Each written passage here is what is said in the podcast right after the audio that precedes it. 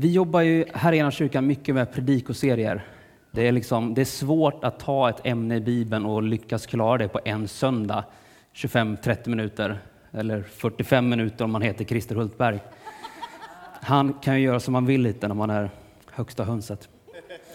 I september så hade vi temat Vi säger ja. Med, eh, liksom, vi säger ja till din vilja Gud, vi säger ja till ditt rike och vi säger ja till din kraft. Och förra veckan så startade Christer det här temat som är utifrån Markus 12.30. Hur svårt ska det vara? Älska Gud, älska människor. Bibelstället finns i texten vi tar därifrån finns i både Matteus, Markus och Lukas och den lyder så här i Markus. En av de skriftlärare som hade hört dem diskutera insåg att Jesus hade gett dem ett bra svar. Wow! Inte så förvånande. Han kom fram och frågade honom, vilket är det främsta av alla buden? Jesus svarade, det främsta är detta. Hör Israel, Herren vår Gud, Herren är en. Och du ska älska Herren din Gud av hela ditt hjärta, av hela din själ, av hela ditt förstånd och av hela din kraft. Sedan kommer detta, du ska älska din nästa som dig själv. Inget annat bud är större än dessa. Och sen vill jag ta med hans svar här också, även fast det inte tillhör temat. Den skriftlärde sade, du har rätt mästare. Det är sant som du säger, han är en och det finns ingen annan än han. Och att älska honom av hela sitt hjärta och av hela sitt förnuft och av hela sin kraft och att älska sin nästa som sig själv, det är mer än alla brännoffer och andra offer. När Jesus hörde att mannen hade svarat klokt sade han till honom, du är inte långt från Guds rike. Sen vågade ingen fråga honom något mer.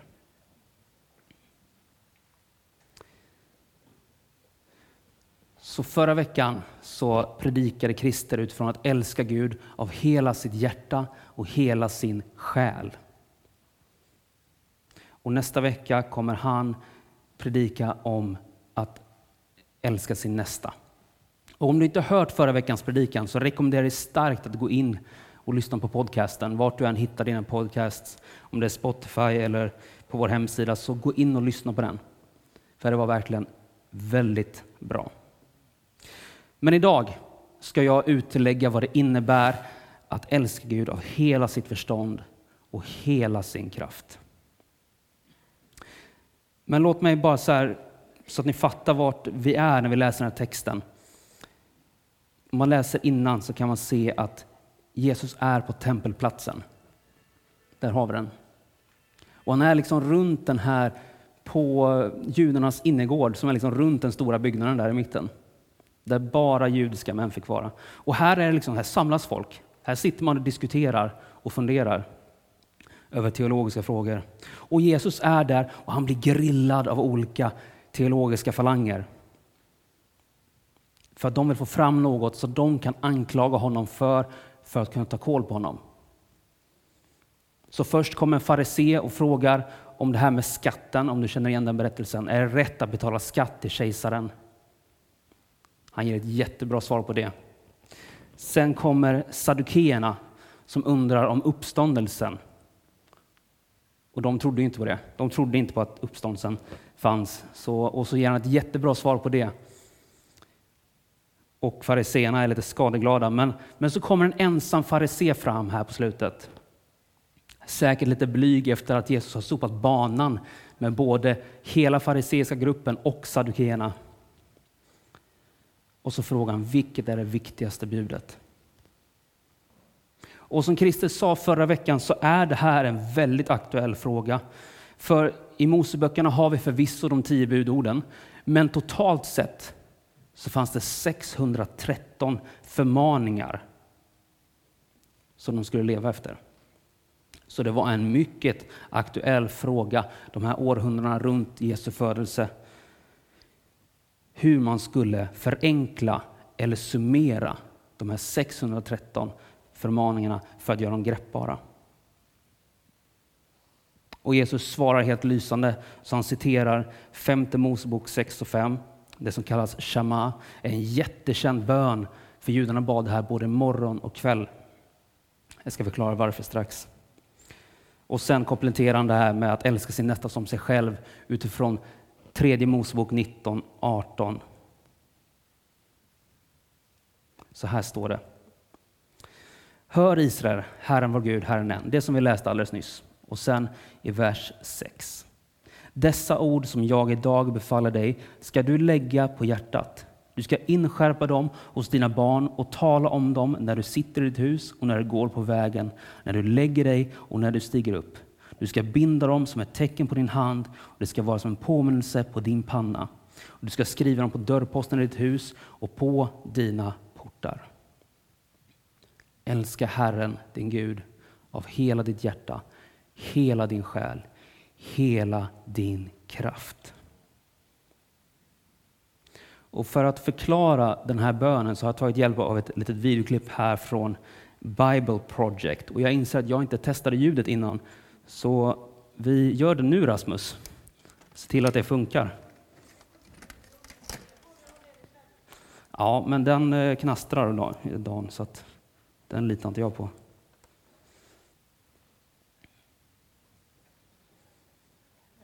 Ja, ja. Jag är ju tekniskt kunnig.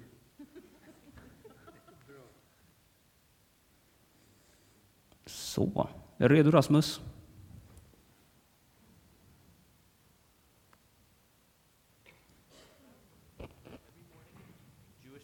prayed.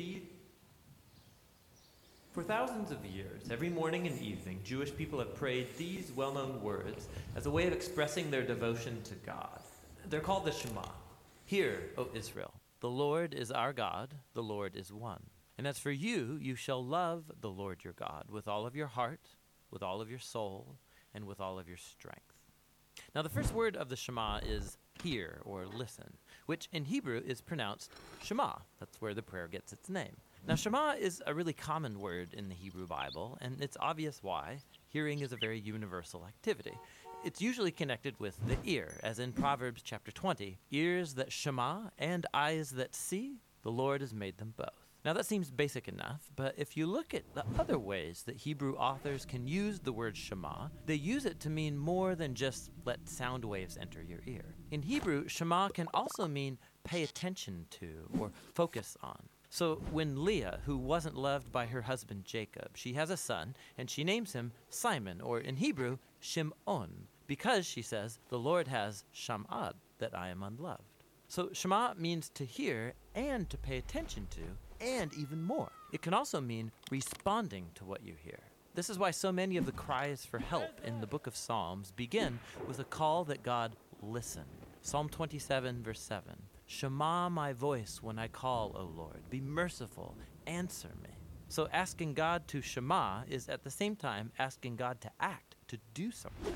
It's similar to when God asks people to listen.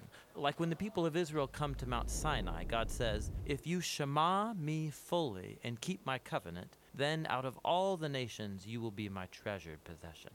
Now, there's a couple interesting things about this verse in Exodus. In Hebrew, the word shema is repeated twice in this sentence to give it emphasis. If you shema, shema, meaning listen closely.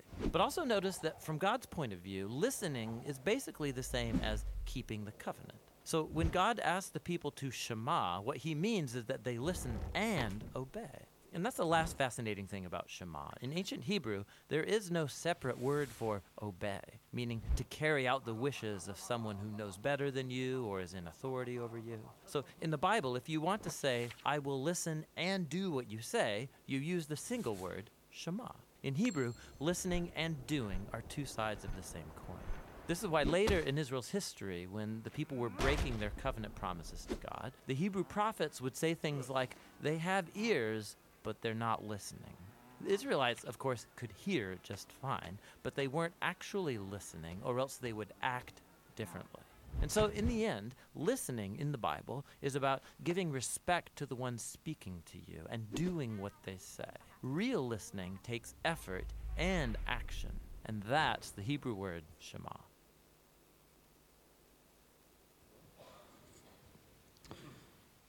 Då har ni fått en liten introduktion till vad shama betyder.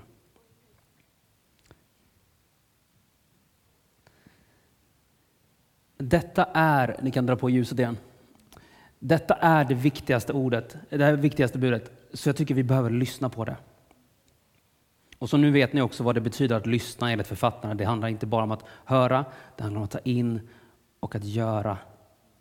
Som han sa i slutet på videon. Real listening takes effort and action. Alltså verkligt lyssnande kräver både effort, vad säger man då? Ansträngning och handling. Både ansträngning och handling. Så, då tänker jag vi ska dyka in i dagens teman. Vad innebär det att älska Gud av hela ditt förstånd? En smart människa har sagt att älska Gud är inte bara en känsla, även om det också är det. Att älska Gud är snarare en överlåtenhet och lojalitet till Gud som tar sig uttryck i lydnad till Guds vilja. Shama. Lyssna och göra. Att älska Gud med hela sitt förstånd, tror jag, är att också förstå Guds vilja. Som många av er vet så hoppas jag vet ni vet i alla fall, så är Evelina och jag teologistudenter. Samtidigt som vi jobbar här i församlingen så pluggar vi också. Och eh, en av de lite mer unika kurserna vi får läsa är religionsfilosofi. Låter inte det spännande eller? jag ska erkänna, jag var riktigt skeptisk till en början med. Bara, vad, hur ska det hjälpa mig som pastor? Hur ska det hjälpa mig som teolog att kunna filosofi? Och du vet, man tänker bara på så här Matrix-diskussionen. Är vi i en simulation eller är det allting verkligt? Kan vi veta någonting eller inte? Ja, det var det jag hade för ögonen och tänkte det här kommer inte bli bra. Men det är jättespännande. Det är riktigt intressant. Och hur många har sett den här filmen Döda poeters sällskap? Ja, det är några stycken. Jag älskar den filmen och jag, jag, känner mig verkligen som de där eleverna just nu. Bara förkovra mig i vad, vad de här uttrycken betyder som, som sanning eller att veta någonting. Det är jättespännande. Men därför blev jag också lite frustrerad när jag kom till det här ordet att förstå, eller att, att älska Gud med hela sitt förstånd. Vad innebär det egentligen? Alltså på ytan kan man ju lätt säga liksom att amen, det handlar om att respektera Gud och ta till sig kunskap om honom. Det kan man ju ändå säga generellt tycka. Men det måste finnas något djupare än så. Vad betyder det på djupet att med sitt förstånd älska Gud? Och jag tror att det handlar om att ta till sig kunskap, men det måste finnas något djupare. Så jag låt mig vara lite filosofisk med er idag. Under medeltiden så fanns det en väldigt populär Eh, man byggde kyrkor efter en gotisk stil. Här kan ni faktiskt se en sån kyrka som jag besökte i somras. Där man liksom fokuserade på att rummet skulle visa hur stor Gud är. Viktiga eh, material var stora stenar och ljuset. Därför gjorde man de här stora valven och man hade massa fönster för att man skulle komma in där och känna att wow, jag är liten och Gud är jättestor. Det var tanken med katedralerna som byggdes. Jag kan säga, det, det känner man verkligen, ni kan se där i mitten hur liten man är i det där valvet.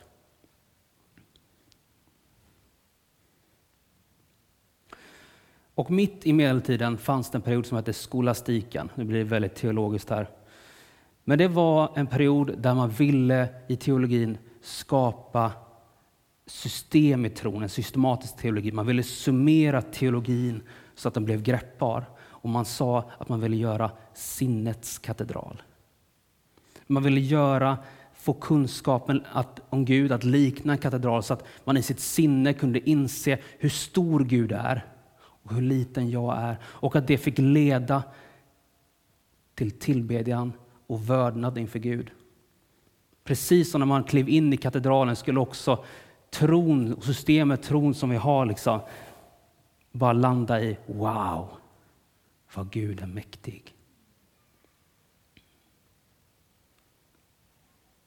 Och det här tror jag är också att med sitt förstånd att ha kunskap om Gud som bara får en att förstå att wow, vad Gud är stor.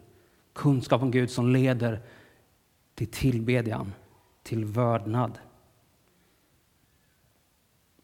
Så att fylla sig med kunskap om Gud som leder till tillbedjan. Det är vad jag tror är att älska Gud av hela sitt förstånd. Men så finns det ju så otroligt mycket teologi där ute. Bara det som skrivs idag är ju mängder.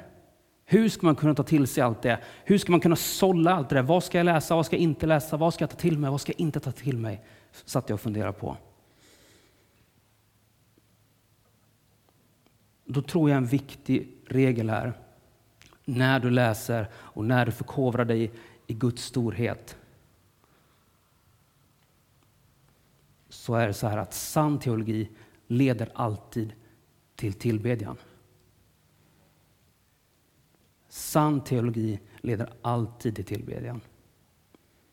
Det här är en av mina lärare, en av Sveriges främsta expert på Paulus har sagt det här. Man kan tänka att de här teologerna är torra gubbar, men när de säger sånt här så tycker jag inte de är det. Sann teologi leder alltid till tillbedjan. Att du bara faller inför Gud och bara wow, du är mäktig, du är stor. Ett sinnets katedral, cathedral of the mind. Att älska Gud är inte bara en känsla. Att älska Gud är en överlåtenhet och en lojalitet till Gud som leder till lydnad till Guds vilja. Lyssna och göra.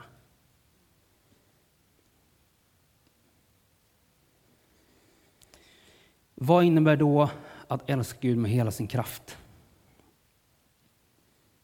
tycker jag är väldigt intressant när man börjar nysta i det här. Och nu blir det ett gäng konstiga ord som jag kommer slänga ur mig. Men det kommer hjälpa oss förstå vad de menar med krafter här. För kraft kan vi bara tänka, men det är min, eh, min makt, det är min styrka. Men det är djupare än så. Och Jesus citerar ju femte Mosebok 6 och 5 som skrevs på hebreiska. Men GT skrevs på hebreiska, översattes till grekiska på 200-talet och idag har vi folkbibeln. Det är ordningen. Och nu tänker jag att vi går baklänges. Så vi har folkbibeln där det står kraft. Då ska vi kolla på vad säger de i grekiskan. Som jag sa så översattes det på 200-talet och ordet man använde för att beskriva den kraften är dynamis. Kan ni känna igen det ordet? Vart kan, hur använder vi det idag? Typ dynamit. Sprängkraft. Och det här ordet betyder din förmåga eller din makt att älska Gud av hela sin förmåga. Det finns liksom ingen gräns på det. Det är hela din förmåga. Det räcker liksom inte att bara älska Gud en eller två dagar i veckan. Hela din förmåga. Och sen det hebreiska ordet går ännu längre. Meod. Som förvisso ofta används för att översätta med kraft men som i den enkla betydelsen sällan är kraft. För det är ett större ord än så. Det används för att förstärka, det är som att säga att någonting är mycket bra. Om vi läser första Mosebok 1, Gud säger det var gott, det var gott, det var gott sex gånger i skapelsen. Och så på sjunde dagen säger han att det var mycket gott. Det var med gott. Så det används tillsammans för att intensifiera ett ords betydelse till den totala kapaciteten, eller någon smart människa som sagt. Det är liksom inte bara din kraft, det är ditt allt. Det är inga gränser på det. Det är allt du har, allt du är, allt du vill. Älska Gud med ditt allt. Som jag sa, det räcker inte med en, två dagar i veckan. Det handlar om varje dag. Guds lag säger att vi ska älska Gud av hela vår förmåga, all vår kapacitet. Det handlar om att varje dag omvända sig till Gud och säga jag väljer dig. Och vända sig bort från allt annat som inte är av Gud. Men det är också, tjena, får gå och sätta dig. Det är också en process. Jag kan säga liksom att du ska älska Gud av hela din, din kraft och all din förmåga och allting och du ska göra det nu, men så enkelt är det inte riktigt tror jag. Ordet på grekiska för att omvända sig är ungefär samma ord som, ni vet en fjäril som går från larv till puppa till fjäril. Sa jag rätt nu? Ja. Det är det ordet som används när man pratar om omvändelse i Nya Testamentet. Det är en process att överlåta sig till Gud, att älska Gud av hela sin förmåga. Därför får vi var dag vända oss till Gud och säga jag väljer dig. Jag väljer dig. Jag väljer dig. Jag vill älska dig. Och det kanske inte är så helt och hållet just nu, men det är en process som vi kommer till. Där vi får växa till att älska Gud av hela vår kraft, hela vårt förstånd, hela vårt hjärta och hela vår själ.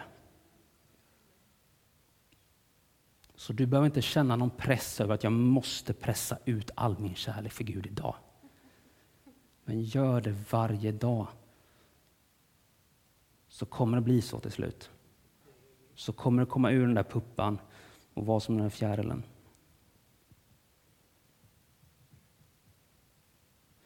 Notera också här att vår kraft ska inte få saker att hända i Guds rike.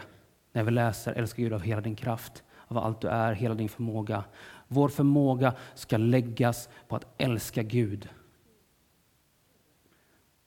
Och som vi sa i förra temat, vi säger ja till hans kraft. Det är hans kraft som får saker att hända, som får saker att ske, som förvandlar vår stad, som skapar fred i regioner. Som helar, som upprättar. Det är hans kraft och vi kan bara fokusera på att älska honom, tillbe honom, stå i vördnad inför Gud. Att se hans storhet i sinnets katedral och bara fatta, wow, jag är så liten och du är så stor Gud.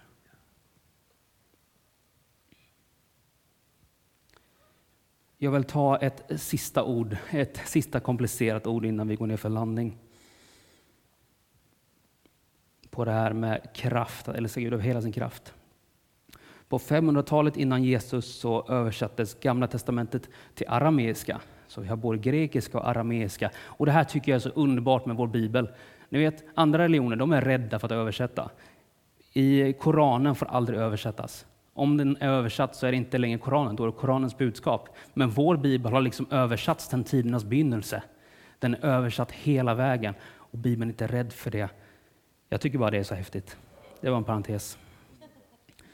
Men då, arameiska, Targum heter den bibelöversättningen. När man skulle översätta den här texten, att älska Gud av hela sin kraft, så översatte man då meod med mammon. Det kanske ni känner igen. Jesus talar om mammon som en herre över oss, att det blir en avgud för oss. Mammon handlar om våra pengar, vår ekonomi. Så när Jesus säger älska Gud av hela din kraft så betyder det också att älska Gud med hela din ekonomi. Med all din trygghet, allt ditt välstånd, allt du har.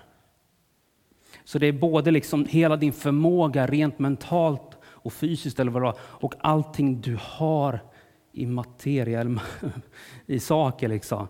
Älska Gud med allt du har. Det här med kraft var lite större än vad vi trodde i början. Va? Det är liksom inte bara din fysiska styrka, det är allt du har. Och jag vill bara, för att dra in det ännu hårdare, när Jesus säger det här, så istället för att låta mammon bli en avgud som du står under när du oroar dig över din ekonomi, och när du oroar dig över ditt, ditt välstånd och din situation, så låt ditt mammon tillbe Gud. Låt ditt mammon älska Gud. Låt din ekonomi, ditt välstånd tillbe Gud. Och kopplar vi på det hebreiska ordet meod, ditt allt, ditt mycket, ditt överflöd, så är det ju allt du har. Allt du har ska du älska Gud med. I Lukas evangeliet när den här texten, där Shama läses upp, så kopplar Jesus det direkt till liknelsen om den barmhärtiga samariten. För att visa vem som är din nästa och vem det är du ska älska. Kristi ska förvisso ta det här nästa vecka, så jag ska inte gå in på det för mycket. Men att älska Gud av hela din kraft innebär också att ta hand om din nästa som dig själv.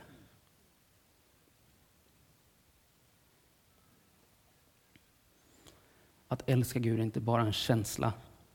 Att älska Gud är en överlåtenhet och lojalitet till Gud som tar sig uttryck i lydnad till hans vilja. Och att älska andra som också behöver hjälp.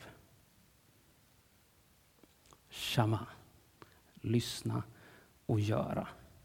Lyssna till de här orden, att älska Gud av sin kraft och hela sitt förstånd och göra det.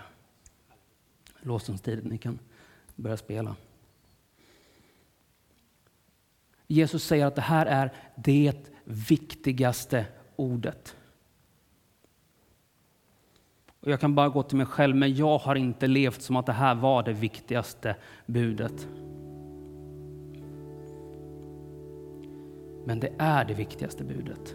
Och jag tror vi behöver få tag på det igen och fatta att det är det här det handlar om. Att älska Gud av hela sitt hjärta, av hela sin själ, av hela sitt förstånd, av hela sin kraft. Det är det här vi behöver landa i och förstå att du behöver inte springa runt och göra massa grejer. Du behöver älska Gud av hela ditt hjärta, hela din själ, hela ditt förstånd och hela din kraft. Läs din bibel, läs andra pastorer, teologer, tänkare. Ta till dig kunskap om Gud. Få upp din sinnets katedral och inse hans storhet. Börja omvända dig till Gud dag efter dag efter dag och säg att jag väljer dig och jag vill älska dig. Så kommer det ske så.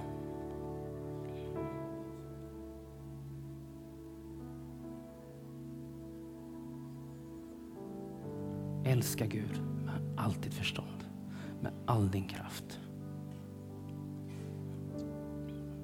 Jesus, jag bara ber, hjälp oss. Hjälp oss bli mer lika dig. Hjälp oss att älska dig med allt vi har, allt vi är, med all vår kunskap. Jesus, vi vill. Vi vill så gärna men hjälp oss så det sker också. Låt det ske. Låt din vilja ske. Låt det här budet ske. Att vi älskar dig med hela vårt förstånd, med hela vår kraft. Att vi lyssnar till ditt ord och gör och handlar utifrån det.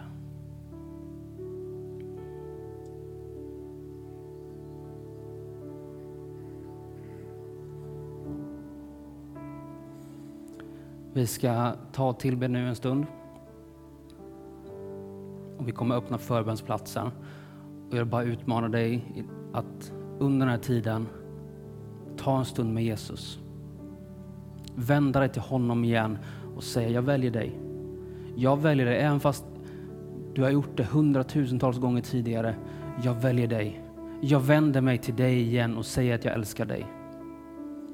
Om du vill göra det genom att gå till förbandsplatsen, till förebedjarna som ber med dig, så får du göra det.